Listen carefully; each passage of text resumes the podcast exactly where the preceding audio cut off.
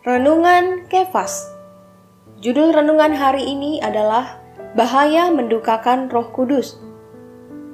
Efesus pasal 4 ayat 30 mengatakan, Dan janganlah kamu mendukakan roh kudus Allah, yang telah memeteraikan kamu menjelang hari penyelamatan. Sobat Kefas, apa sih rasanya kalau ada orang yang menyalahi atau menyinggung kita? Secara otomatis di dalam kita akan ada perasaan sedih, kecewa, marah, dan masih banyak lagi. Lalu, bagaimana dengan Roh Kudus di dalam kita? Apakah Roh Kudus dapat bereaksi kalau kita menyalahinya? Sobat Kefas, ketahuilah, kewajiban kedua kita terhadap Roh Kudus yang tinggal di dalam kita adalah jangan mendukakan Dia. Dalam Ibrani pasal 1 ayat 9, ia adalah minyak sebagai tanda kesukaan.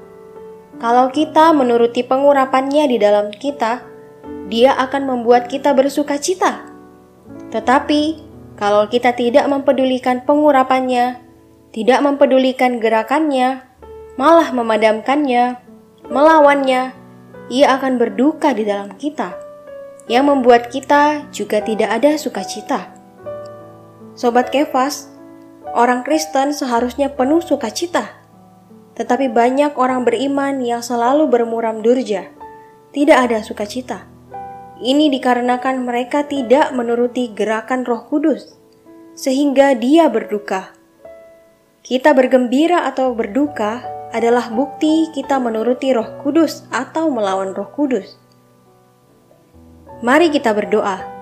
Tuhan, aku sering tidak dapat bersuka cita karena sering mendukakan Roh Kudus. Tuhan, aku mau senantiasa berlatih, terus membarakan roh kudus di dalamku. Amin. Demikianlah renungan kefas untuk hari ini. Tuhan Yesus memberkati.